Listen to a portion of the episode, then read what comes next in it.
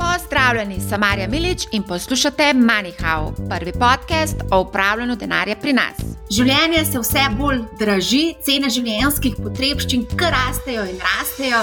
Novembra so statistiki izmerili 4,6 odstotno letno inflacijo, kar je največ v zadnjem desetletju. Ali se bo inflacija še krepila, dokam gre lahko? Da nimo sredi leta 2008 smo imeli skoraj 7 odstotno letno inflacijo. Kaj smo s prihranki oziroma naložbami počeli takrat? kaj storiti s portfeljem danes, kako ga zaščititi pred povišeno inflacijo, katere naložbe so potencialno zanimive v okolju povišene inflacije. O tem se bom pogovarjala z Bojanom Ivancem, ki je glavni ekonomist pri gospodarski zbornici Slovenije in smo ga že gostili na to temo, in kolegom Matajem Šimnicem, ki je direktor področja analiz pri Capital Genetics. Zdravo, obema. Živijo, Marja. Pozdravljena, živijo. Bojan, greva kar mi dva začeti. Ko smo se na zadnje pogovarjali v Manihau o inflaciji, to je bilo sredi poletja, junija, je bila takrat inflacija 2,5 odstotne točke nižja kot je danes. Zdaj smo novembra izmerili 4,6, oziroma decembra, ampak za novembra smo pa izmerili 4,6 odstotno inflacijo. Torej, od poletja dalje se inflacija krepi, še za, zlasti v zadnjih mesecih. Poleti smo nekako bili mnenja, da gre za začasno oziroma prehodno inflacijo. Kakšno pa mnenje tvoje danes? No, pač moram biti čisto iskren sam do sebe, pa tudi do vseh vas, no, da pač ta dvig cen v novembru, deloma v oktobru, predvsem v novembru, je presenetil tudi nas. Ne. Kot si sama povedala, cene življenjskih potrebščin so bile novembra medletno više za 4,6 odstotka. Pogovarjali smo se tudi zadnjič, da v bistvu obstaja več različne načini merjenja inflacije gledamo cene glede na isti mesec lani, ali gledamo povprečje cen v letošnjem letu, gledamo povprečje mesecev v prejšnjem letu, ali gledamo 12-mesečno inflacijo. Potem sem tudi omenil, da je zelo pomembno, glede na to, da smo imeli lansko leto padec cen, da upoštevamo tudi to, torej tudi zaradi tega je v bistvu gibanje cen nekoliko više, kot bi običajno bilo. Ne? Ampak, če pogledamo, recimo, če ostanemo zopet pri tej letni inflaciji, pogledamo november 2021, glede novembra lani, res ugotovimo, da približno 40 odstotkov k dvigu cen so nekako prispevale podražitve naftnih derivatov. Ne. In recimo konkretno v potrošniški košarici naftni derivati predstavljajo zgolj nekje okoli 3,5-3,6 odstotka potrošniške košarice, vendar zaradi seveda samega dviga cen je to imelo zelo velik vpliv na končno inflacijo. Ampak kar je v bistvu presenetilo potem, no, kaj je k letni rasti tudi zelo veliko prispevalo, recimo konkretno za 0,4 odstotne točke je bila letna inflacija višja, ker je bila dražja toplotna energija. Tukaj konkretno je pač predvsem eh, bilo to posledica eh, dviga cen pri energetiki v Ljubljani. Eh, potem tudi dvig cen avtomobilov, recimo še junija se cene avtomobilov niso spremenile, glede na junija lani, recimo konkretno v novembru so pa bile že približno za 7 odstotkov više, kot so bile lani in sicer tako novih kot rabljenih. Tako da tukaj v bistvu se je, se, se je trend kar precej spremenil. Tudi storitev v restauracijah in v hotelih, verjetno posledica tudi unovčevanja voucherjev, so bile draže, nekje za 6 odstotkov, oblačila in obutev se je podražila, ki je recimo lansko leto tudi upadala. Kar je pa zanimivo, pa verjetno proti pričakovanju večine ljudi, ne, da pa same cene hrane v bistvu niso bile bistveno više, kot so bile lani kar je pa zanimiva posledica tudi tega, da so pa lani v bistvu cene hrane in brezalkoholnih pijač v bistvu pri nas celo nekoliko bolj poraste kot v drugih državah, ker je bilo rahlo nenavadno, zaradi tega pa v bistvu letos eh, na tem, na tem segmentu. Pa cene niso potem tako dinamične. Ampak zopet, če razbijemo to inflacijo, recimo mogoče na blago, pa na storitve, pra, praktično na storitvah, rast cen niti ni bila tako močna, znašala je na medletni ravni pri 1,5 odstotkih, Tako da predvsem blago je tisto, ki se drži, približno 6 odstotkov je bilo medletno draže, posledica pa seveda je to, da zaradi epidemije pač potrošniki v manjši meri koristimo storitve, v večji meri blago, ker se nekako z podobnim pogledom sooča celotno človeštvo, je torej pritisk na proizvodnjo zelo močan, prenesel se je potem tudi na surovine, konkretno tudi na zadnje v električno energijo in v plin. In jaz bi rekel, da predvsem električna energija in plin sta tisti game changer, no, ki sta nekako v novembru dvignila inflacijo, pa menim, no, da bosta potem vplivala na dvig cen tudi v naslednjih dveh, treh mesecih, ko bodo dejansko tudi dobavitelji teh dveh energentov počasi dvigovali cene za gospodinstva. Zanimivo. Dobro, imamo povišeno inflacijo v Sloveniji, tudi v Evropi se s tem ukvarjajo, tudi v ZDA se ukvarjajo s povišeno inflacijo. Pa dajmo se najprej ustaviti pri Fedu, se pravi, novi stari mož ameriške centralne banke. Pavel je na zadnjem zasedanju izpustil besedo transitory, torej prehodna inflacija. V Ameriki je bila letna inflacija v oktobru 6,2 odstotna in je najvišja od novembra leta 1990. Očitno bo ta povišena inflacija z nami še nekaj časa. Pavel je celo napovedal dvig obrestnih mer že v začetku leta 2022. Zaskrbljenost nad inflacijo pa je izrazil tudi borzni maček Warren Buffett, ki pravi, da je inflacija red hot. Kaj to pomeni za MT za borze? Ja, borze so predvsem uh, v strahu, da bo Fed pač začel prilagajati svojo politiko tem inflacijskim pritiskom, kar pomeni uh, dejansko v praksi višanje obrestnih mer. Zdaj, vlagatelji se tega uh, nasplošno zelo bojimo. Uh, je pa dejstvo, da, da je običajno ta strah na borzi prisoten predvsem uh, v začetku. Ko se o tem govori, ko začne pač centralna banka višati obrestno mero, uh, Kasneje pa fokus vlagateljev bolj na, na to, kako se gospodarstvo odziva. To se pravi, kakšna je zaposlenost, kakšna je gospodarska rast in če so zadeve stabilne, uh, lahko vidimo eh, naraščajoč borzni trg tudi v obdobju višanja obrestnih mer. Je pa vedno težava potem, da se gospodarstvo začne odzivati na te pritiske oziroma na, na više stroške denarja. To je pa običajno bolj ob, ob koncu tega cikla višanja. Zdaj, kdaj do tega pride, je težko reči.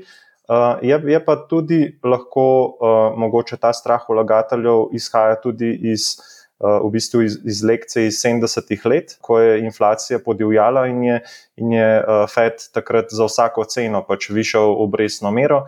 To pa so recimo razmere, ko prihaja do višanja obrestnih mer, gospodarstvo uh, ne beleži rasti.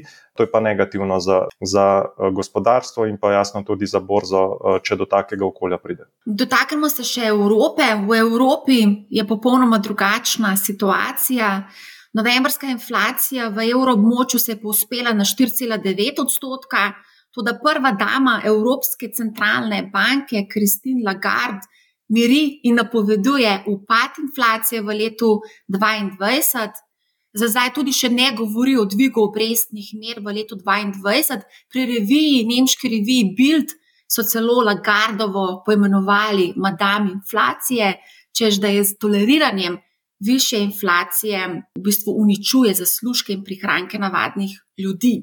Bojan, ali ima ta gospa vse pod nadzorom? Uh, jaz bi tako rekel. ECB dejansko zaposluje zelo veliko strokovnjakov na tem področju. Ampak tudi te strokovnjaki, seveda, imajo težavo, namreč ocene prihodnosti so precej otežene, sploh ko pač govorimo o šoku, s katerim se gospodarstvo trenutno sooča.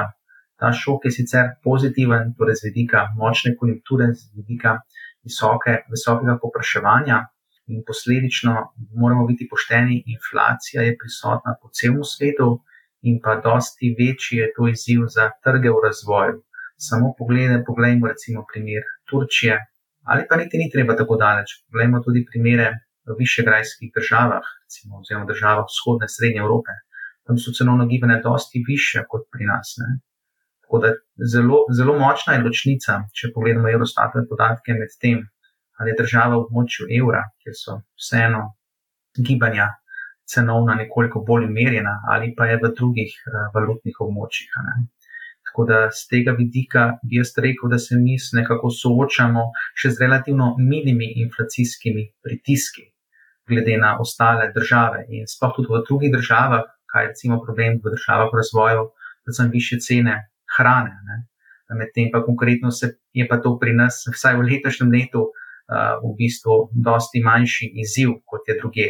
Vseeno, recimo za hrano, še vedno gospodinstva namenimo glavnino svojega proračuna, oziroma največji delež temu namenimo, približno 15-16 odstotkov, tako da to ni nepomembno. Tudi percepcija gospodinstva glede tega je seveda zelo pomembna. Hkrati vemo, vsak ima v nas svojo individualno inflacijo in pač gospodinstva, ki, kjer so pač poprečni prihodki relativno nižji, seveda imajo delež izdatkov za prehrano dosti višji kot premožnejše gospodinstvo. Ne. Tako da tudi te zadeve so dejansko pomembne tudi za vse politike, tako da ni bilo nekako nobeno presenečenje, da je Evropska komisija tudi državam omogočila, da države dejansko uh, sprejme odločene ukrepe v pomoč energetsko revnim uh, gospodinstvom, da jim nekako uh, priskoči na pomoč, vsaj za nekaj mesecev v tem obdobju, ko pač se bodo gospodinstva soočila z večjimi položnicami. Ker je pa zanimivost tukaj, pa bi rad dejansko delil z vami, je pa to, da v bistvu energetski trg, veste, ni ni povsem enako, ne deluje v vseh evropskih državah. Torej, v določenih državah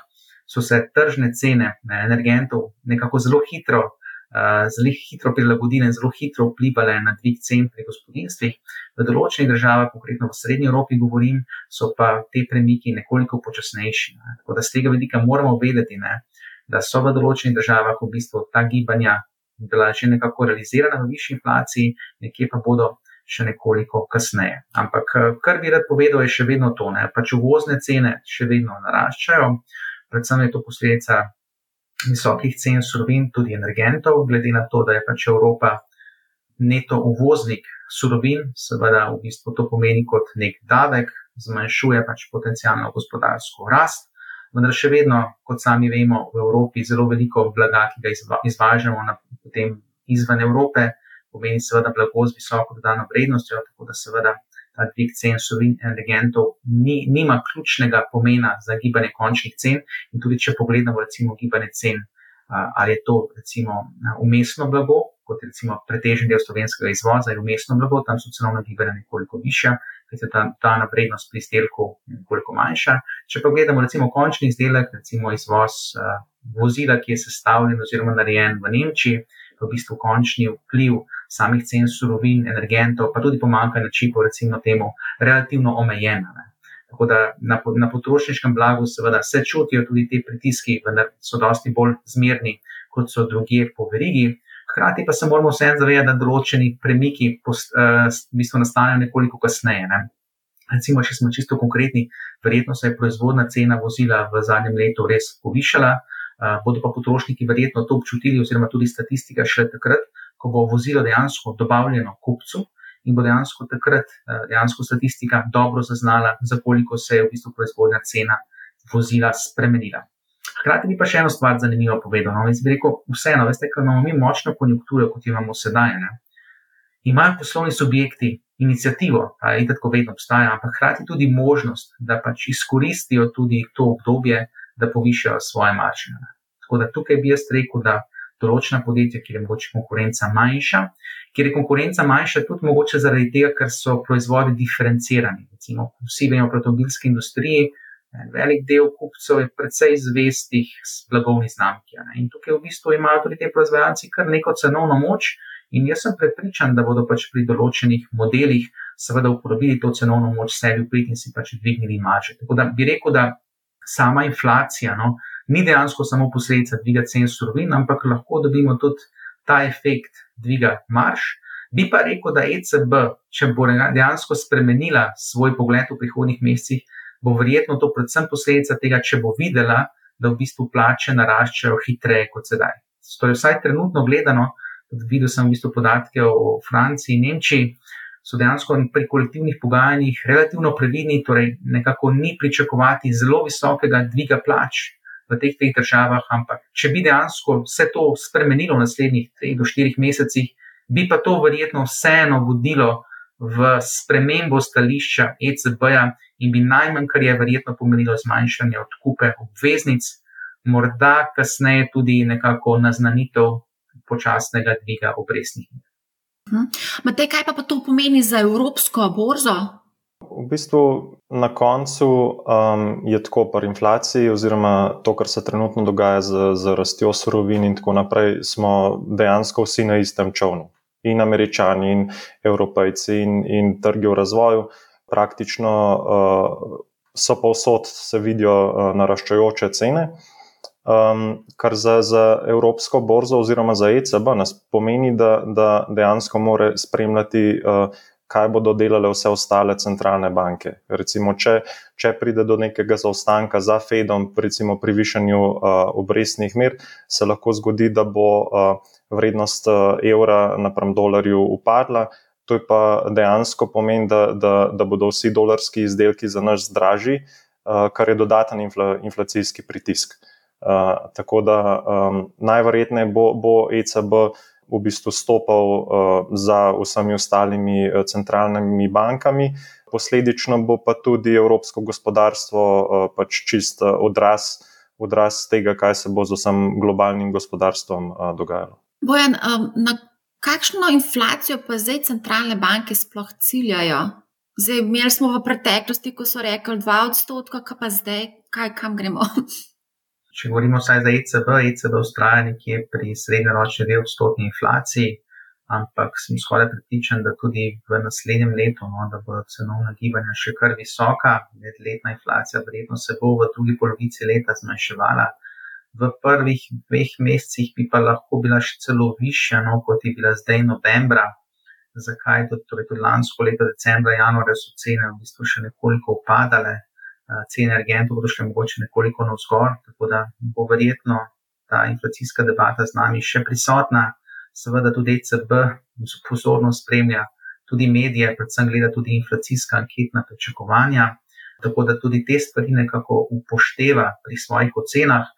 Zelo veliko pomena pa daje tudi v bistvu anketam profesionalnih napovedovalcev inflacije, če torej četrtletno izvaja analizo in nekako tudi ti profesionalni napovedovalci so dvignili svoje ocene o inflaciji.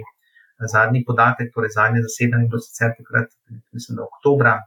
Takrat so ocenili, da naj bi se septembra naslednje leto medletna inflacija v območju evra padla na 1,7 odstotka. Zdaj, če bi verjetno danes te strokovnjaki zasedeli, sem prepričan, da bi verjetno dvignili oceno nekje na 2 odstotka, sem skoraj prepričan. Kajti pri ostalih anketah, ki so bolj pogoste, recimo na konsenzusu, sem to že videl, da pri številnih državah se je v zadnjem mesecu, sploh po novembrsko visoki inflaciji, so se dejansko cene kar močno spremenile oziroma povišile vsaj za naslednje leto. Dolgoročna inflacija, no, torej če govorimo o, o gibanju cen po letu 2026, je pa je nekje pri 1,9 odstotkih. Tako da moramo res vedeti, no, da dejansko brezposobnost je relativno nizka v območju evra, če govorimo o Sloveniji, seveda še toliko bolj.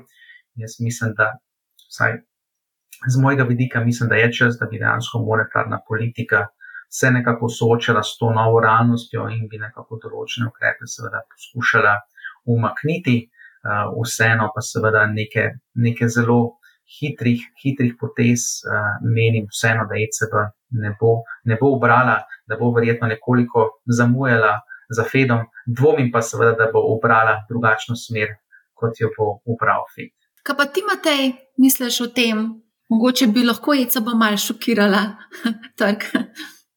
Ja, jaz mislim, da bo, da bo bolj kot ne bodo ta manjša prilagajanja, ker dejansko centralnim bankam, uh, centralne banke zaenkrat se mi zdi, da še nimajo tega pravega občutka, ali bo inflacija podivjala ali ne. V primeru pa, da do tega pride, do, do, do, do pride do kakšnih večjih inflatornih pritiskov, sploh hiperinflacije, so pa centralne banke običajno presenečajo trg. To se pravi, vedno, vedno šokirajo, ker samo na ta način se doseže nek hiter učinek, da, da, se, hitr, da se zgodijo hitre spremembe. Ne verjamem, da bo prišlo do hiperinflacije, ne? ampak recimo vidimo, kako se recimo odzivajo oziroma so se odzivale centralne banke v Turčiji, pa v, v, v Rusiji med, med uh, zadnjim pacem nafte nekaj let nazaj. V bistvu gre za zelo hitre dvige, uh, zato da se, da se poskuša inflacijo umiriti in uh, pač v teh primerih tudi uh, gre za obrambo tečaja, ampak taka je uh, v bistvu. Narava centralnih bank, ko gre za neke uh, želje, da se hitro doseže cilj ampak zaenkrat te nevarnosti se mi zdi, da še ni in bodo te premiki uh, počasnejši. Zdaj govorimo v zadnjih mesecih predvsej o tem, kako imamo povišeno inflacijo, ampak če pa pogledamo graf letne inflacije za malce daljše časovno obdobje, pa vidimo, da smo imeli v Sloveniji tri inflacijske vrhove in sicer v letu 2001, 2008 in tudi letos 2021. Zdaj, če preračunamo na povprečje, v 20 letih je bila inflacija v 20 letih 2,6 odstotna poprečna letna inflacija, če pogledamo desetletno obdobje, pa le 1,1 odstotna. Kaj nam v bistvu zdaj te številke povedo, ko pogledamo malce, malce daljši horizont? Dejansko moramo vedeti, da je 2007-2008 to je bil pač konjunkturni cikl, vrhunec, zelo veliko evropskih sredstev. Eh, Slovenija je sprejela evro 1. januarja 2007. Eh, pričakovanja so bila visoka, tako da je bil dejansko splet okoliščin tisti, ki je vplival, da so pač cene pri nas precej porasle. Konkretno sem si pogledal poprečna sprememba cen v letu 2007 je bila pri 3,6 odstotkih, v letu 2008 nekje pri 5,7 odstotkih. Mislim, da je bilo mogoče res v kažem mesecu medletno tudi približno 7 odstotkov, ampak vseeno v bistvu ta gibanja cen niti niso bila tako nekako zelo visoka, so bila pa takrat vseeno presenetljiva. Ne? Vseeno so ljudje pač pričakovali za evro neko cenovno stabilnost, vseeno pa je to takrat nekako sovpadalo, bi rekel, z vrhom poslovnega cikla. No? ker je bila tudi nizka brezposelnost, mislim, da je bila blizu 3 odstotkov in seveda to je imelo visoke inflatorne vplive. Zanimivo pa tudi to, no, kaj konkretno se je takrat močno dražilo, tako da sem šel pogledati malo v drobovje, kajti inflacija, veste, agregaten podatek, kaj je bilo v zadju. Videl sem, da so se predvsem cene hrane močno podražile, torej v teh dveh letih, mislim, da za 8 in pa kasneje za 10 odstotkov, pa tudi cene pri, v, v gostinstvu in restauracijah, hotelih so bile tudi v bistvu močno, močno povečane. Tako da to je bil v bistvu ključen razlog takrat za dvig cen v tistih dveh letih. Torej, niti niso bili energenti tisti, no, ki so, so ključno vplivali na rast cen v tistem obdobju, ampak res nek vrh poslovne konjunkture, ki je pač vplival uh, pri nas, da so cene nekako porasle bolj. In po tistem obdobju, pa jasno, so se, se pa gibanje cen precej bolj umirilo. Uh, imeli smo tudi nekako recesijo z dvojnim dnom, in uh, po tistem so se inflacijska gibanja precej umirila. Um, je pa zanimivo tudi to, no, zakaj so se umirila pri nas, pa so bile celo neko obdobje nižja kot v območju evra.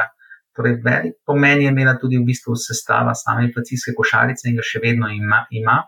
Recimo, kje je ključna razlika med našo inflacijsko košarico in pa inflacijsko košarico tipičnega gospodinstva v območju evra, je ravno pri stroških, uh, stroških uh, stanovanja oziroma povezanih stroških z vzdrževanjem, z ogrevanjem približno za 7 odstotnih točk so, je delež teh stroškov pri nas nižji kot v območju evra in to je, ne boste verjeli, posledica zgolj tega, da smo pri nas pretežno lastniki nepremičnin, torej nikomu ne plačujemo najemnine, oziroma v dosti manjši meri slovensko prebivalstvo plačuje nekomu najemnino in posledično ima zaradi tega nekoliko eh, nižje stroške in, eh, in tudi najemnine v bistvu se, potem, da so se pri nas povečale, kot rečeno, pri, prispevek višjih najemnin ima zelo majhen učinek na končno inflacijo pri nas, kot pa recimo v območju evra.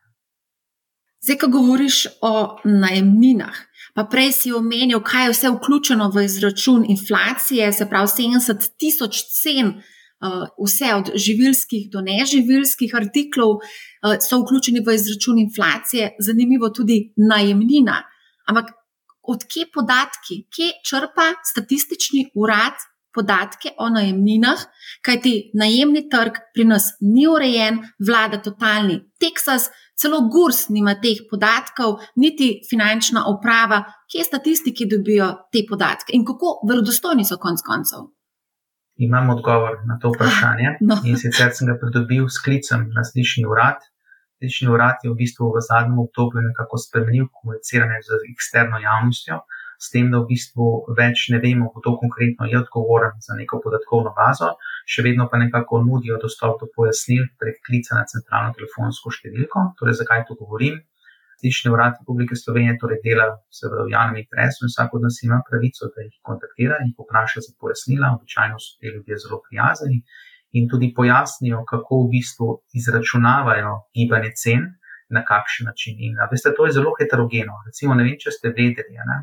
Ampak pri, pri naftnih derivatih, konkretno oni trikrat mesečno dobijo podatek od Agencije za energijo, ki z eno tedensko zamudo te podatke zbira in potem pošlje podatek na statični urad. Torej, te podatke nekako za zamikom potem prihajajo pri njih in posledično tudi to vplivalo na to, da smo mi mislili, da se bo dejansko oktober že vrh inflacije dosežen, je pa dejansko bil novembra, kajti naftni derivati so tudi novembra še naraščali, deloma tudi zaradi tega zamika pri poročanju cen. A pri najemninah sem pa tudi vprašal, kaj je razlog za tem, je pa v bistvu so se neprofitne najemnine podražile, povečale in je posledično to vplivalo na dvig najemnin v mesecu novembru, glede na predhodni mesec. Tako da pri vsaki pomembni zadevi je seveda pomembno vedeti, kaj je v ozadju, kajti to potem vpliva na to, kdaj konkretno statistika te podatke zajame in kdaj jih poroča. No, vse to bomo malce več kasneje še povedali, kar se tiče samih nepremičnin, cen, bla, bla, bla. Ampak um, ja, tukaj se je rekel neprofitne najemnine. Ampak um, vse vemo, kako funkcionira trg najemnin pri nas, tako da ta podatek niti ni v bistvu korekten, če smo čisto iskreni, ker uh, najemnine pri zasebnikih rastejo res neverjetno hitrostjo. In če bi ta podatek dejansko bil tudi vključen v izračun inflacije, bi bil mogoče tudi drugačna, drugačen izračun. No, ampak da gremo se vrniti v leto 2008. Matej, jaz sem prepričana, da se ti kot vlagatelj, investitor zelo dobro spomniš tega obdobja bolečega, ko so se borze sklatile. Pa da je mogoče, se spomniš, kaj smo takrat počeli z našimi prihranki, z našimi portfelji, ko smo imeli neverjetno rast borz, borznih tečajev do leta 2008 in hkrati tudi inflacija je takrat kar precej bila visoka. Ja, dejansko se je takrat inflacija pojavila tudi zaradi nafte.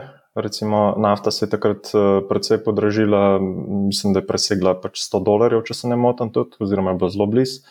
Zdaj, ko je pa dejansko lahko ta obdobje označimo za tisto, kar sem prej omenjal. Šlo je za, za konec eh, oziroma zaključevanje neke konjunkture, eh, obrestne mere so se že kar nekaj let dvigale in te dvigi vedno vodijo do, do nekih sprememb. Mi, mi pač vidimo nek, nek površje finančnega sistema, v zadju, v zadju pa dejansko obstaja cela vrsta uh, finančnih instrumentov, pogodb, uh, odnosov na, na kapitalskih trgih, kjer obrestne mere igrajo izjemno veliko vlogo.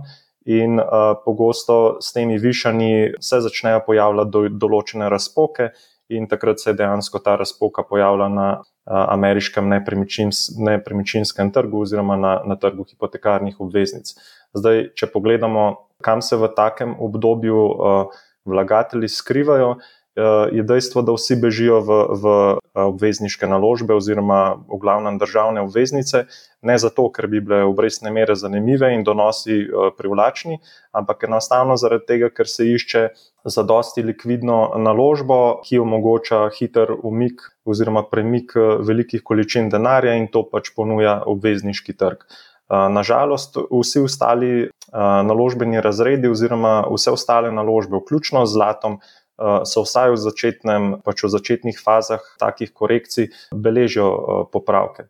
Zdaj, razlog je zato, ker vlagatelji predvsem vlagatelji v sklade, v najbolj tvegane sklade, uh, začnejo z bežanjem iz, iz teh skladov, in skladi so dejansko prisiljeni prodajati svoje sredstva, in pri tem ne gledajo na to, ali, ali ima za, za to kakšen potencial ali ne, ampak enostavno morajo vlagateljem vračati denar, posledično pa, prodajajo vse naložbe.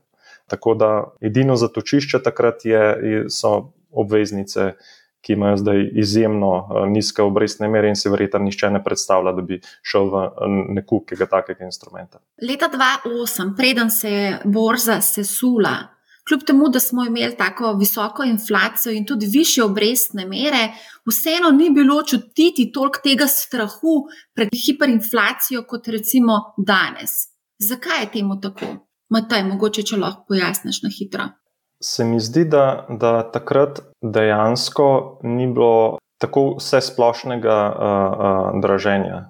Tukaj, zdaj se kar nekaj, nekaj stvari se se je v, v, v, v trenutnih razmerah poklopilo. Bile so ukrnjene določene letine, uh, recimo uh, žit, potem ESG direktive oziroma uh, pomik k čistim virom energije so se zgodili kar, in, in premik k električnim vozilom, kar draži uh, določene uh, surovine. Potem recimo ameriške, ameriške banke so, so, predvsem, so se zelo oziroma praktično povsem omejile od financiranja uh, ameriške nafte.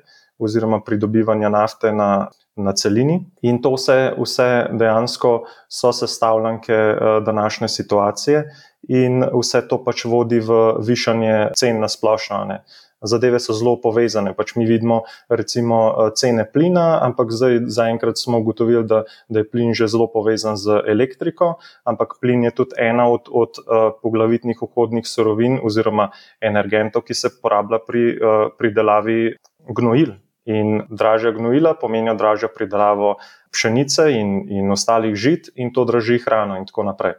Eno je ta bojazen, Druga bojazen, za razliko od leta 2008, je pa to, da enostavno vlagatelji še vedno mislijo, oziroma so prepričani, da bo vse ta denar centralnih bank, ki se je, ki se je v bistvu črpal v sistem, povzročil pač nek, nek boom efekt. Takrat, leta 2008, so dejansko banke šele začele z, z ekspanzivno monetarno politiko, zdaj ta ekspanzivna monetarna politika traja že, že več kot desetletje in določen del vlagateljev in finančne stroke verjame, da se bo enkrat ta ogromna količina denarja pač prelila v. v, v v inflacijo, oziroma da bo prišlo do inflatornih pritiskov.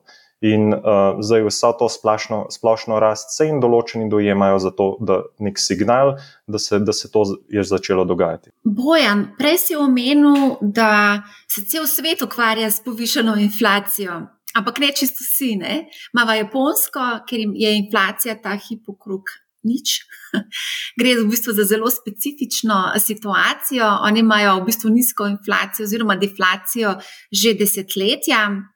Glede na to, da se Evropa stara, na japonskem ima izredno veliko starega, stare, stare, starega prebivalstva, Evropa gre v to smer. Kaj to v bistvu pomeni za Evropo? Lahko pridemo tudi v ta.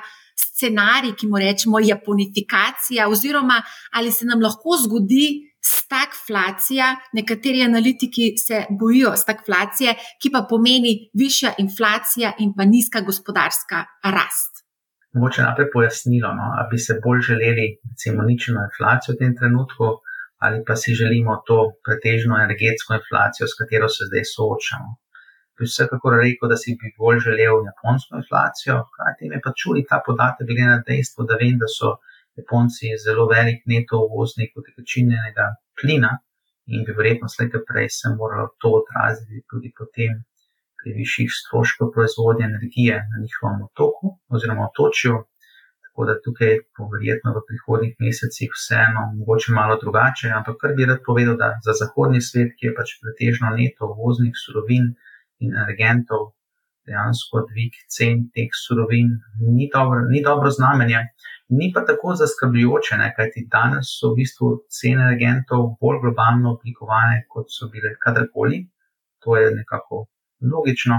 Seveda pa so razlike tudi vezane na stroške transporta, torej konkretno cene plina, zemljskega sovazi, celo nekoliko više kot so v Evropi, na drugi strani pa recimo ameriška proizvodnja oziroma gospodinstva, ki se ogrevajo za njihovim domačim zemljskim plinom, pa seveda plačuje za to nižjo ceno, kajti imajo pač nižjo proizvodnjo ceno in tudi v bistvu strošek utekočinjenja pa prevoza je tisti, ki nekako odtehta to razliko med gibanjem cen na njihovem domačem trgu in pa tujem. Torej, zakaj o tem govorim?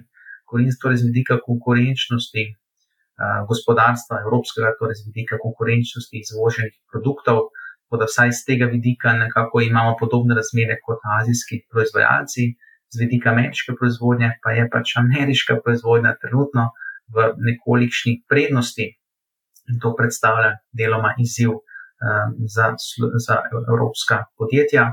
Hkrati pa seveda šipkejši evro, ki je vsaj v zadnjem času nekoliko upadel proti dolarju, je pa zopet no, na drugi strani uh, dob, dobra stvar za, za izvoznike iz evropskega območja ja, in nekako nek deloma amortizira Eh, kako bi rekel, dvig cen surovin, ki jih seveda ta podjetja morajo, morajo kupiti.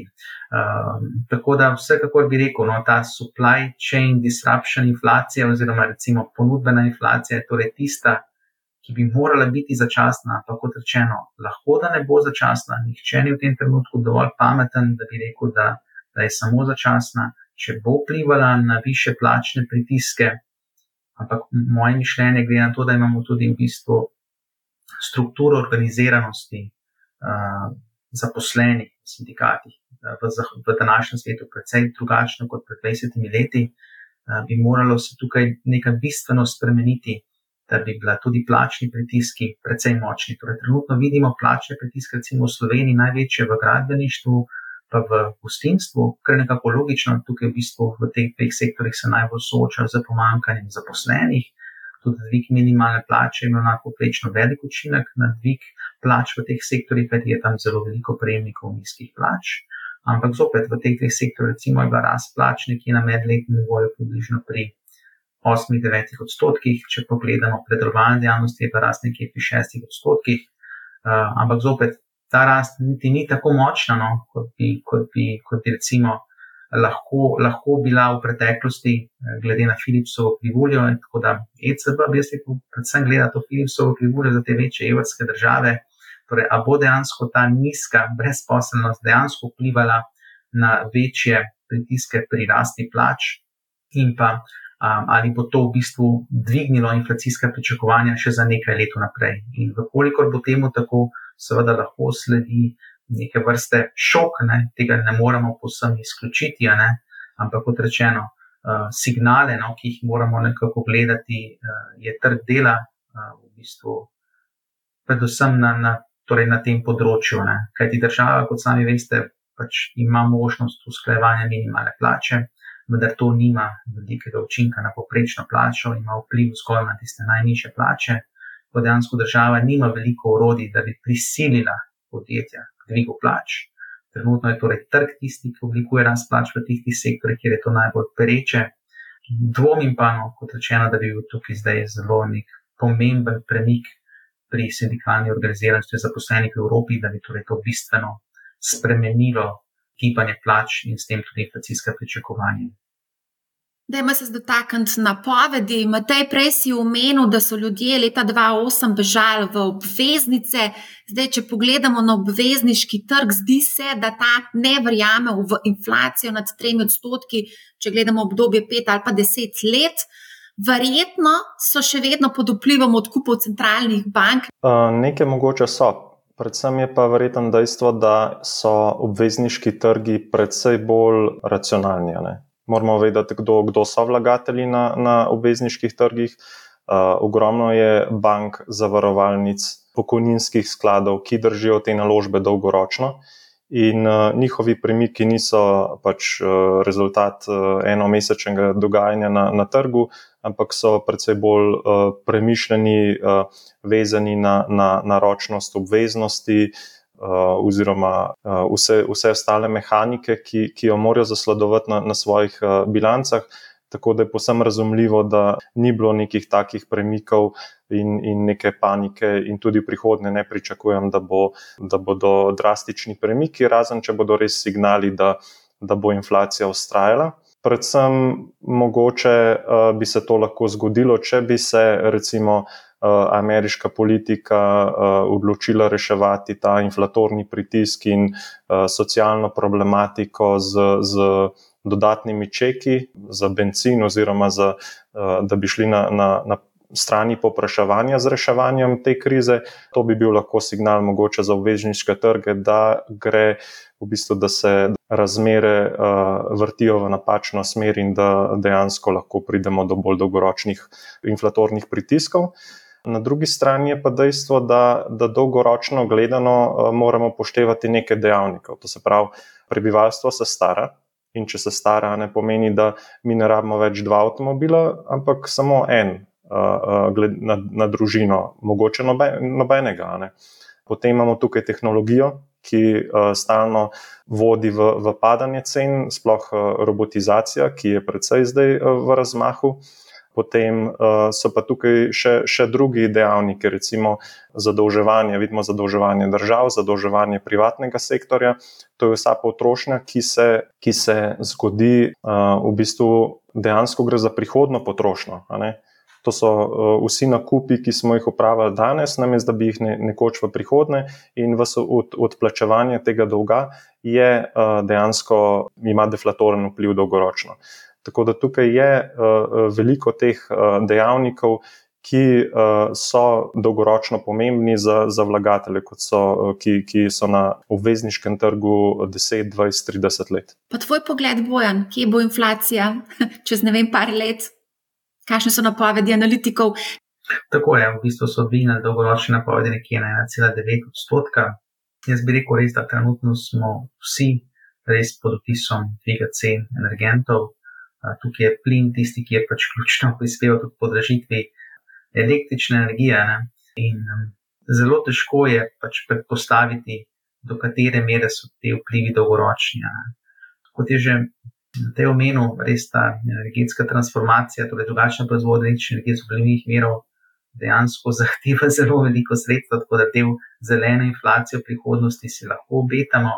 Mogoče ne tukaj navržem še eno stvar, torej tudi načrt za okrevanje odpornost, to niso povsem nepovratna sredstva, to so sredstva, katera se je pač Evropska unija izposodila na mednarodnih trgih in jih bo v prihodnosti vračala na podlagi določenih davkov, nekako je že opredelila, kateri bi te davki bili, recimo konkretno davek na finančne storitve, potem je bil omenjen tudi sprememba davka na obdočitev podjetij. Tako da tukaj si lahko obetamo na tej evropski sistemski ravni tudi, kako bi rekel, del nekih novih davščin, ki bo nekako slovenska nacionalna država zgolj pobirala in bodo dejansko nakazani v skupen evropski proračun za namen pa spodbujanja skupne transformacije našega gospodarstva. Ne. Tako da del zelene inflacije bo z nami še ostal, tudi po tem, ko se bodo verjetno cene energentov verjetno v letu dveh umirile. Ne. Na kratek rok pa vsi vemo, da je precej nehvaležno ocenjevati gibanja cen, tako nafte, kot smo zdaj ugotovili, celo električne energije in plina.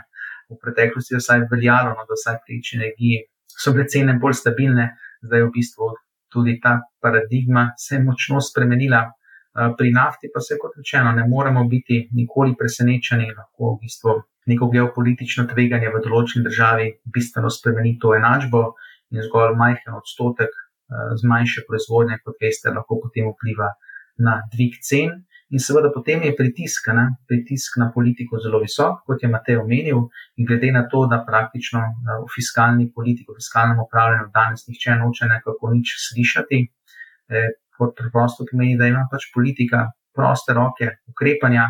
In tudi jaz, verjetno, na njihovem mestu bi se verjetno kdaj odločil tako, da bi pač poskušal to breme omiliti z nekimi voucherji, mogoče za znižen trošarin ali pa DDV-ja začasno na te proizvode, pač na ta način nekako vse breme za gospodinstva znižuje, seveda pa hkrati to pomeni neko dodatno popraševanje, dodaten inflatorni pritisk. Uh, tako da, ja, predvsem spremenjena fiskalna politika je tista, no, ki je za me en velik izziv. Tudi ta nova nemška koalicija kaže, da bo ubrala določene inovativne poti, kako nekako ubežati uh, fiskalnem pravilu, Um, tako da bojim se, ne, da bodo še številne druge države pač poiskale inovativne načine, kako ubežati svojim fiskalnim pravilom. In potem, kot veste, eh, pridemo do neke do situacije, ne, ko dejansko popraševanje uh, se spodbuja na različne načine, ne, mogoče tudi na napačen način, uh, in posledično to lahko dvigne inflatorno pričakovanje. Ne. Tega ne moremo posem izključiti. Tako da, z mojega vidika, se pravi, kar pozorno spremljam, je predvsem to, kakšna bo v bistvu, kakšno bo spremenjeno fiskalno upravljanje eh, v Evropi.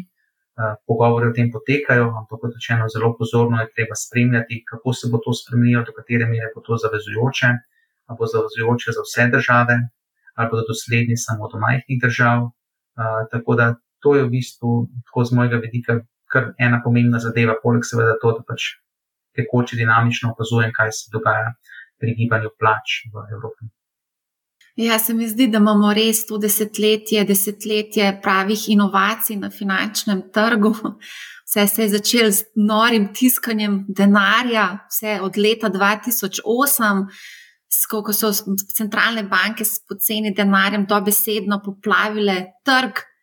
Tako da, ja, mene ne presenečajo vse te inovacije. Bi me pa zanimalo, ali v tem okolju lahko pride do recesije. Danes se sploh ni, ne govori o recesiji kot da pač je to nek nemogoč scenarij. Matej, kaj ti misliš o tem? Ja, absolutno, vedno lahko pride do, do recesije, v zraku je ne samo inflacija, tudi geopolitična tveganja, deglobalizacija in podobno. Tako da to so vsi dejavniki, je pa običajno tako, da če bi do recesije prišlo, bi prišlo tudi do, do zmanjšanja pritiska na, na popraševanje, oziroma bi se tudi popraševanje zmanjšalo. Um, in s temi inflatorni uh, pritiski, to bi bil pa spet prostor za, za centralne banke, za uh, nove inovativne uh, ukrepe, ki bi uh, vsaj umilili uh, uh, recesijo, če jo že ne pač uh, poizkušali preskočiti. Um, ja, seveda. Um, pač trenutno se soočamo še vedno, kako bi rekel, z omejenimi dobavami ključnih surovin in izdelkov, počasnejšim gibanjem mladinskega pretovora. Eh, konkretno pri zadnjem vidim, da so se zadeve malo spremenile, malo izboljšale. Um, na drugi strani so tudi kazalniki nabavnih menedžerjev teh glavnih državah še vedno ostali kar visoki, presenetljivo visoki. Torej, to so bili anketni vprašalniki narejeni konec novembra, v začetku decembra.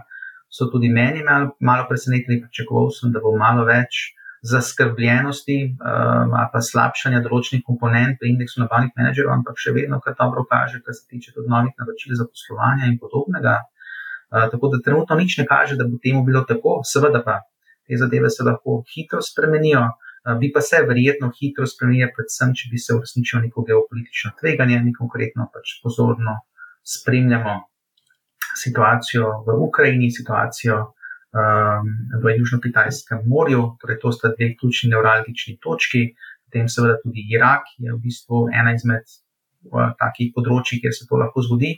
Hkrati bi pa vseeno, če pogledamo malo zgodovino, povedal, no, da verjetno so se kakšna taka velika geopolitična presenečenja uresničila, predvsem takrat, no, ko jih nekako redko kdaj nihče ni predvidel. Da, zdaj pa konkretno se o teh stvarih predvsem močno pogovarjamo, dejansko vidimo, da nekdo te novice pošilja v mednarodni tisk, posledično zmanjšuje verjetnost, no, da bi se ta tveganja realizirala vseeno pa govorimo o teh tveganih nog, ki jih pač bomo pozorno moramo spremljati v naslednjih 5-10 letih in imajo pač lahko vpliv tudi na to, no, da se lahko konjunktura zelo hitro poslabša.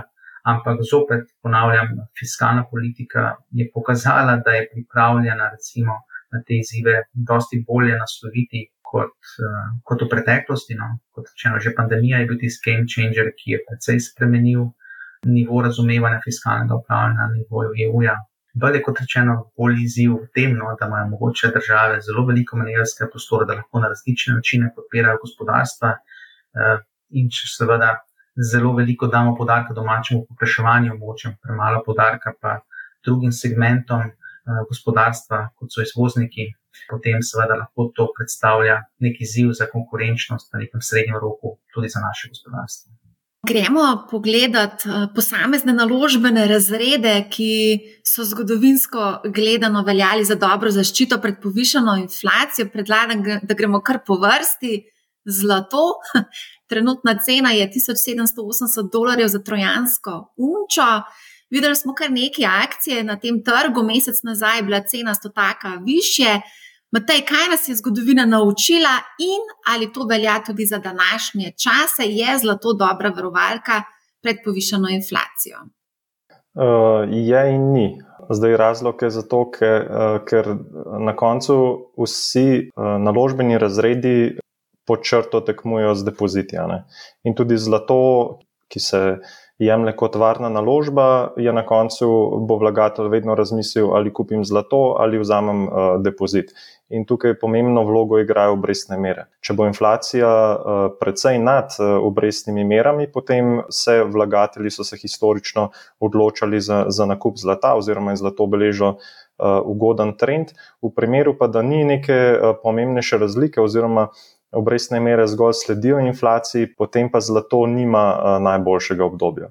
Tako da v tem trenutku inflacija precej presega za trenutne obrestne mere centralnih bank. Je pa dejstvo, da vlagatelji sedaj so že začeli pričakovati višanje obrestnih mer in posledično je to tudi se odrazilo na to, da, da nismo videli nekega močnejšega trenda na, na, na zlato. Če bi recimo nek vlagatelj želel na vsak način investirati v zlato, kaj mu priporočaš oziroma odsvetuješ? Je predvsem je pomembno, ali gre zdaj tukaj za, za uh, kratkoročno ali dolgoročno odločitev. Kratkoročna uh, odločitev uh, oziroma kratkoročna stava na zlato je absolutno smiselna na finančnih trgih preko uh, ETF-ov oziroma skladov, ki vlagajo v, v fizično zlato. V primeru pa, da gre za neko dolgoročno diverzifikacijo, se pa najdejo tudi načini, kako kupiti fizično zlato, ki je v paketu hranjeno tudi v, v, že v, v sefu, medtem ko recimo je nakup fizičnega zlata in hramba doma ni najbolj pač pametna. En razlog je to, da so te spredi oziroma razlika med nakupno in prodajno ceno izjemno visoka. Druga stvar pa je, da, da moramo pač poskrbeti za varno hrambo zlata oziroma plemenitih kovin, kar je pač tveganje, če, če imamo to pač shranjeno doma. Ja, mogoče bi tukaj samo dodala, ko omenjaš te uh, naložbe oziroma nakup fizičnega zlata, ki je že shranjen v sefu, lahko omenimo tukaj eno spletno stran in sicer Bullion World. Uh, pika.com bom dala tudi v opisu te epizode. Bi pa rada tukaj še enkrat povedala, da leta 2011, ko smo imeli noro rast cene zlata, da smo takrat celo zaznali povečano število ulomov v stanovanja, v hiše. Se pravi, je bila korelacija med rastjo ceno zlata in Ulomi zadnje statistike, ki sem jih dobila od policije, pa tega ne kažejo. Tako da mogoče ljudje vse ne hranijo več zlata doma in so ga leta 2011 mogoče v celoti prodali. Bojan, imaš ti kakšen poseben odnos do zlata? Osebno ne, ampak pač rad bi sam povedal, da glavnina prihrankov v Sloveniji ima starejša generacija in seveda oni pač nekako drugače dojemajo te naložbe. Kot veste, Slovenci zelo cenimo nepremičnine, depozite pa rekel bi tudi določene mere plemenite kovine, vseeno jih lahko vzamejo ljudje v roke, jih lahko nekako fizično prenesejo, imajo boljši občutek, ko nekako verjetno spijo z njimi ali pa v njihovi bližini. Uh, ali pa če so v sefu, no dejansko se počutijo drugače, kot pa če so nekje na nekem uh, finančnem računu. Tako da z nekega vidika razumem tudi te ljudi, no, ki se pač na ta način lotevajo prihrankov. Uh, posem razumem, pač to je del uh, njihove naložbe in so pač pripravljeni tudi kako bi rekel, um, te više stroške ali pa tveganje odtujitve, tvegati torej tudi z nakupom. Torej, pri mlajši generaciji bi pa rekel, no, da je pa tudi normalno, da so več zanimanja za kriptovalute. Bitcoin tudi pravi digitalno zlato, ne? tako da verjetno res dojemanje um, te naložbene publike v tem kontekstu, da je to neko digitalno zlato. Kako se pa res Bitcoin obnaša, pa tudi kriptovalute, koliko bi prišlo recimo do nekega zloma na finančnih trgih ali popravka karkoli, je pa res eh, vprašanje, na katerega res težko verjetno odgovorimo.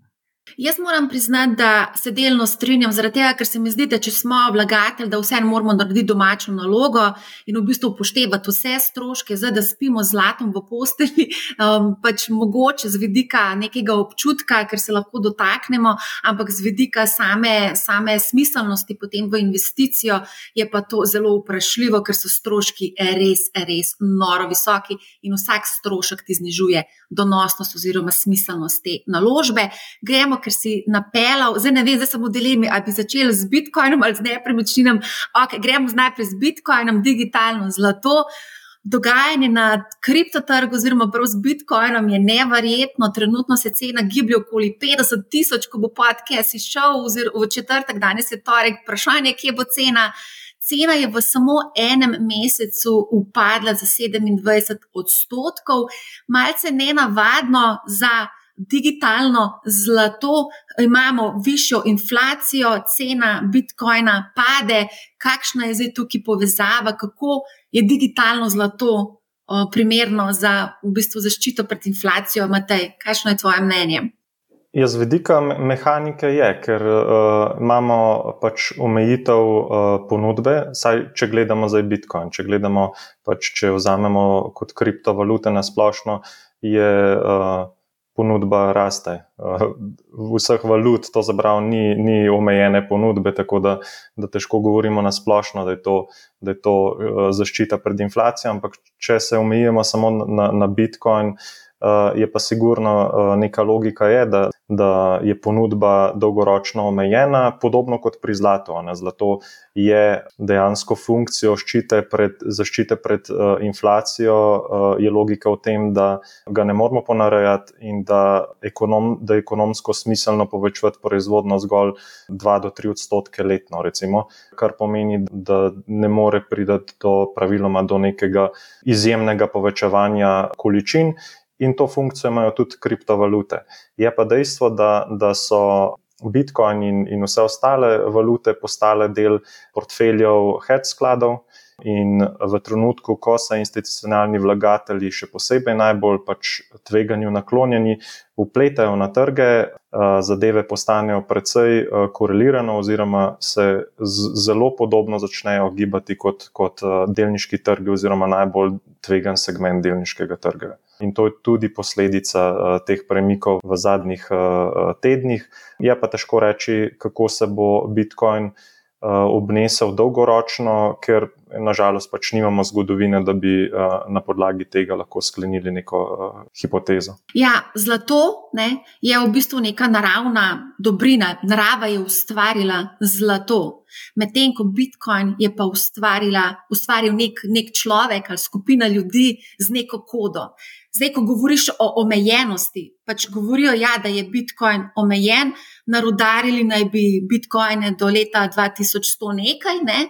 ampak glede na to, da hekerski napadi se dogajajo, da se kode spreminjajo, se pravi, se lahko tudi ta v bistvu koda mogoče enkrat v prihodnosti spremeni in kar na čudežno nastane še nekaj eh, milijonov, sto milijonov uh, Bitcoina. A je to, mislim, je ta scenarij možen, zato čisto hipotetično, ampak ja to ni, to ni produkt narave, mati narave, zemlje. to je človek ustvaril. Ja, je, je možno, lahko se mrskaj se spremeni, kljub temu, da se reče, da se, da se ne bo.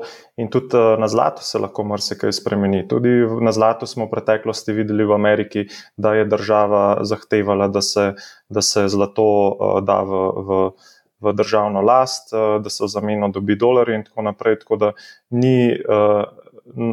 Ko, ko enkrat spremljaš zgodovino in vlečeš neke usporednice, vidiš, da, da, da je še tako nemogoča stvar, je, je obstaja neka mini, vsaj minimalna verjetnost, da se zgodi. Okay, a gremo na nepremičnine. Bojan, ti si jih že omenil, ja, s tem se lahko dotaknemo, s tem znajo biti zelo hladne, trenutno so zelo drage. 3300 evrov za kvadratni meter rabljenega stanovanja v Ljubljani, cene rastejo po celi Sloveniji in poprečju v Sloveniji so tudi pošteno se ukrepile, novo gradnje dosegajo res neverjetne rasti. 5, 6, 7, 8 tisoč evrov za kvadratni meter, gradbene storitve se dražijo, materiali se dražijo, obrtniške storitve se dražijo. Kam pelje ta vlak, kaj bomo čez kakšno leto kupovali, rabljena stanovanja po 5 tisoč evrov na kvadratni meter? Bojem, kakšno je tvoje mnenje? Jaz vsem mislim po osnovnem scenariju, no, da cene stanovanjskih nepremičnin v Sloveniji lahko še naraščajo, sploh v pač, večjih središčih, predvsem pač povezano z tem, da imajo gospodinstva zelo veliko prihrankov, vidijo v tem tudi neko vrčevalno komponento, hkrati pa seveda tukaj mi nismo nek, uh, neka, nek outlier glede na ostale evropske države, tudi tukaj v bistvu se cene še vedno krepijo. Tukaj je zelo veliko pač odvisno tudi od obrestnih merov, od trga dela, plač, tudi od razpoloženja. Tako da hkrati pa vemo, no, da ponudbo na kratek rok ni mogoče tako hitro zgraditi. Celo pri gradnji nove ponudbe smo pri nas običajno počasnejši kot so v drugih državah. Hrati pa vseeno moramo si priznati, no, da so v številnih evropskih državah tudi v bistvu zamiki pri gradnji novih projektov dosti večji kot so bili pred 20 leti. Torej, posod se je nekako regulacija prostora povečala, posledično se moramo zavedati, da ko govorimo o višjih cenah nepremičnin, govorimo o, o v bistvu nekako obsegu nepremičnin v, skupni, v skupnem znesku, recimo enega odstotka vseh nepremičnin na leto ali pa pol odstotka. In seveda za tisti delež se vedno najdejo v bistvu lahko določeni kupci, ki so pripravljeni plačati nekaj več. Tako da, predvsem je tukaj, no, kot rečeno, veliko odvisno od trga dela, no, tudi od obrestnih mer, torej od možnosti zadolževanja. In če se pač ena od teh dveh stvari spremeni, se lahko tudi tukaj cenovna gibanja spremenijo. Vseeno, kar nas je naučila zgodovina, vsaj v Sloveniji so bila pač cenovna gibanja pri nepremičninah manj volatilna kot pri drugih naložbenih oblikah. Hkrati pa je bila tudi druga, druga in drugi izziv, drug problem, da je pa nekako likvidnost uh, tudi v določenih obdobjih bila precej nižja, torej posledično, če je želel vlagatelj v drugem obdobju prodati nepremičnino, verjetno mora sprejeti celo nižjo ceno od takratne tržne. Tako da tukaj je zelo veliko tudi odvisno, no, do katere mere trg v bistvu je vzpostavljen. Recimo, en primer bi recimo dal lahko irski nepremičninski trg, kot ga primerjam z slovenskim. Na Irskem dejansko so cene nepremičnin zelo močno upadle, potem so zelo močno zrasle. Če pogledamo pa Slovenijo, so pa ta cenovna gibanja, kako bi rekel, zelo blaga napram temu, kar bi sicer pričakovali, izviralo pa to veliko tudi od tega, do katere mere država ščiti lastnike pred uh, neko deložacijo, In tukaj moramo res reči, da na tem, na tem segmentu uh, v Sloveniji res izstopa, da pač, uh, je zelo malo uh, bilo narejenih deložacij, uh, posledično uh, pač, uh, ljudje, tudi vkolikor nekako niso plačevali uh, obrokov, uh, so dejansko lahko ohranili uh, streho nad glavo. Um, pustimo nekaj medijsko-dnevnih primerov, ampak to so dejansko preveljiva dejstva, tako da tukaj dejansko nekih šokov vsaj tudi v bodoče nekako ni pričakovati. Kaj pa ti praviš, Matej, je um, nepremičnina dobra varovalka pred povišeno inflacijo? Ja, pač pri nepremičnini je tako, da, da je vedno, vedno je ključna ta uh, infla, mislim, uh, lokacija in pa uh, kakšna je monetizacija nepremičnine. Ne. Zdaj, če mi to. Uh, če imamo ugodno uh, lokacijo, če lahko oddajamo, potem bo tudi v primeru naraščajočih cen uh, ta, ta naložba pač imela svoj donos, oziroma bomo lahko višali svojo ceno. V primeru pa, da, da, da pograbimo neke B lokacije, samo zato, ker je ceneje, potem pa ni nujno, da, da jo bomo lahko oddali, in uh, v ena bomo pa morali plačevati obveznosti do banke, če, če seveda to financiramo z dolgom. Uh, bi pa tukaj dodal, bi se navezal na, na en, enega od prejšnjih odgovorov, da je ravno pač te vis, visoke cene nepremičnin, uh, visoko zadolževanje ljudi, oziroma visoki zneski za kredite, ne, vse to bo omejevalo uh, prihodno potrošnjo. V primeru, da recimo ne bo prišlo do, do dviga plač v Sloveniji, ima lahko marsikdo zaradi uh, visokega dolga za, za hišo, za stanovanje, omejitve pri nakupu uh, avtomobila, pri počitnicah oziroma uh, počitniških aranžmajih in podobno. Tako da vse, vse te današnje odločitve imajo, imajo vpliv na, na prihodne popraševanje. To je bil pa zelo dober point in to vse vpliva na gospodarsko rast, ne posledično. Potem. Um, mogoče imate tukaj lahko še omenjava sklade, ki kotirajo na borzi, rejte. A bi mogoče lahko tudi tukaj dala kakšen nasvet vlagateljem, ki ne želijo kupiti fizične nepremičnine in se ukvarjati z najemniki? Ja, sigurno uh, rejti so instrument, ki pomaga diverzifikacijam, pa tako kot smo že večkrat omenili. Uh, Trenuten svet ima preveč dejavnikov, in nihče ne zna uh, točno določiti, kakšen bo potek inflacije. Tako da, absolutno uh, so instrumenti ETF-ji vezani na, na nepremičnine, vezani na uh, obveznice, ki, ki nudijo zaščito pred inflacijo, ETF, na, pač, kot smo omenili, so tudi na zlato in podobno, ampak vse to pač morajo biti le del nekega skupnega portfelja, ker v današnjem svetu, ki mu vladajo centralne banke in številni zunani faktori, nihče ne more točno določiti, kakšna bo pač prihodnost in je smiselna ta diverzifikacija v različne naložbene razrede. Um, mogoče bi tukaj uh, izpostavili še delnice specifičnih uh, podjetij, mogoče so zanimiva, marsikdo špekulira, se, se veste, da smo vlagatelji, nekateri vlagatelji so špekulanti in poskušajo uloviti vroče zgodbe. Uh, tudi tukaj se da kar nekaj uloviti vročih zgodb, zlasti podjetja, ki se ukvarjajo z naravnimi viri, znajo biti mogoče za marsikaterega vlagatelja trenutno zanimivi, mogoče lahko izpostavimo kakšno konkretno naložbo. Pa prej smo omenjali uh, nafto in podobno. V, v bistvu govorimo o umazani panogi. Recimo Exxon, pa Shell, BP, Royal Dutch so recimo za marsikoga zainteresante. To je ta umazana panoga. Kaj zdaj to, kako to paše v kontekst celotnega ESG-ja, o katerem se stalno govori? Jaz pravim, da je zelo težko komentirati individualne naložbe, uh, ampak kot rečeno, vsako podjetje v teh naštetih ki je na zahodu, ima sedež, bo moralo, oziroma že sledi tem ježči zavezam. Hkrati pa sam vem, da so pač podjetja lahko pri teh, pri teh eh, zadevah tudi zelo inovativna. Torej, lahko dejansko sodelujejo z nekim partnerjem v joint ventureu, ki dejansko poskušajo nasloviti tudi del popraševanja, ki ga trenutno ne morejo več izvajati. Ne.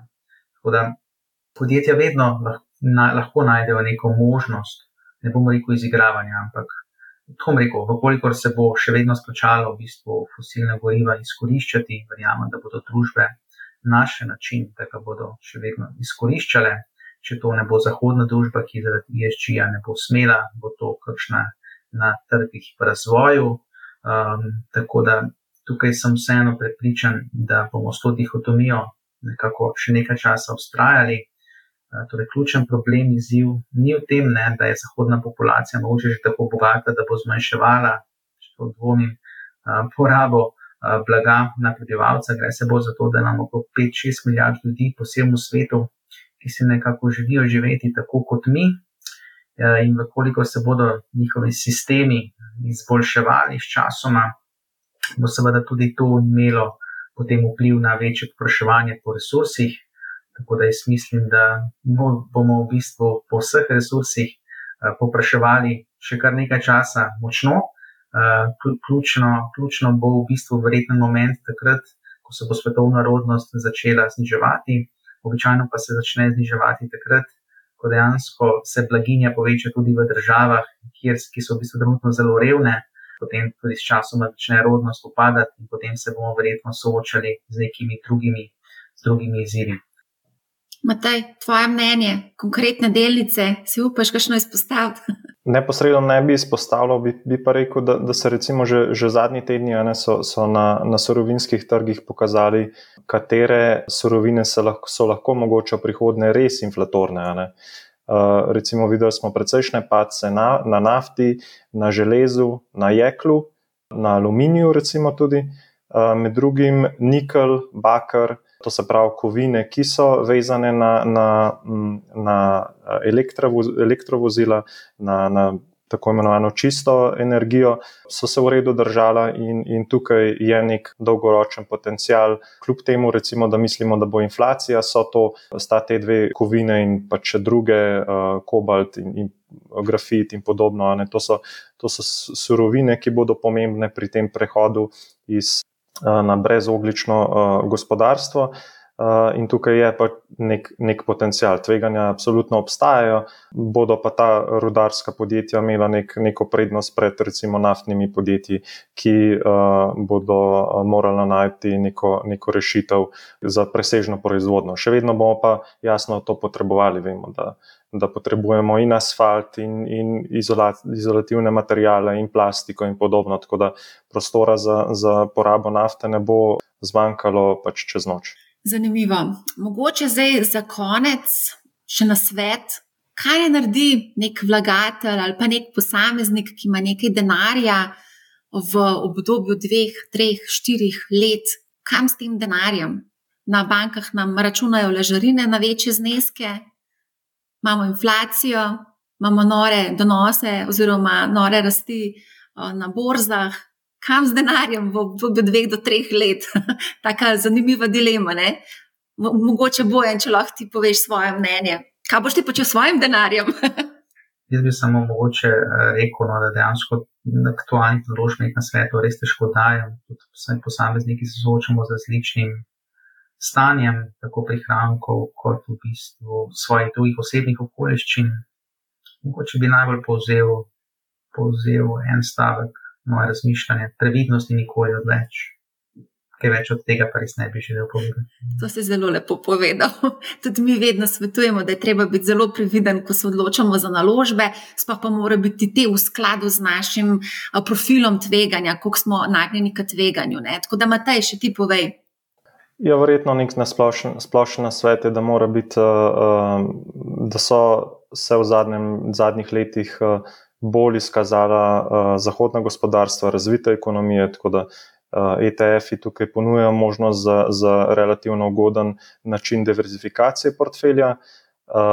Predvsem bi pa svetoval, da, da recimo razne te tako imenovane stave oziroma predvidevanja, kot smo jih omenjali, recimo rudarska pod, podjetja na, na, za, za, recimo za nikel, za, za, za bakar, pa recimo podjetja v robotizaciji ki imajo pač potencial, da predstavljajo nek uh, dodatek k temu portfelju, ne da se v bistvu odločamo za, za celovit skok oziroma all-in investicijo v, v posamezne panoge, v kriptovalute in, in, in pač podobne manjše segmente trga. Pač te zadeve so zelo tvegane. Uh, Um, že sama korona je dokaz, da se, da se res lahko zgodi na tem svetu praktično karkoli, in škoda je pač, da, da tvegamo vse svoje prihranke in stavimo samo na enega konja.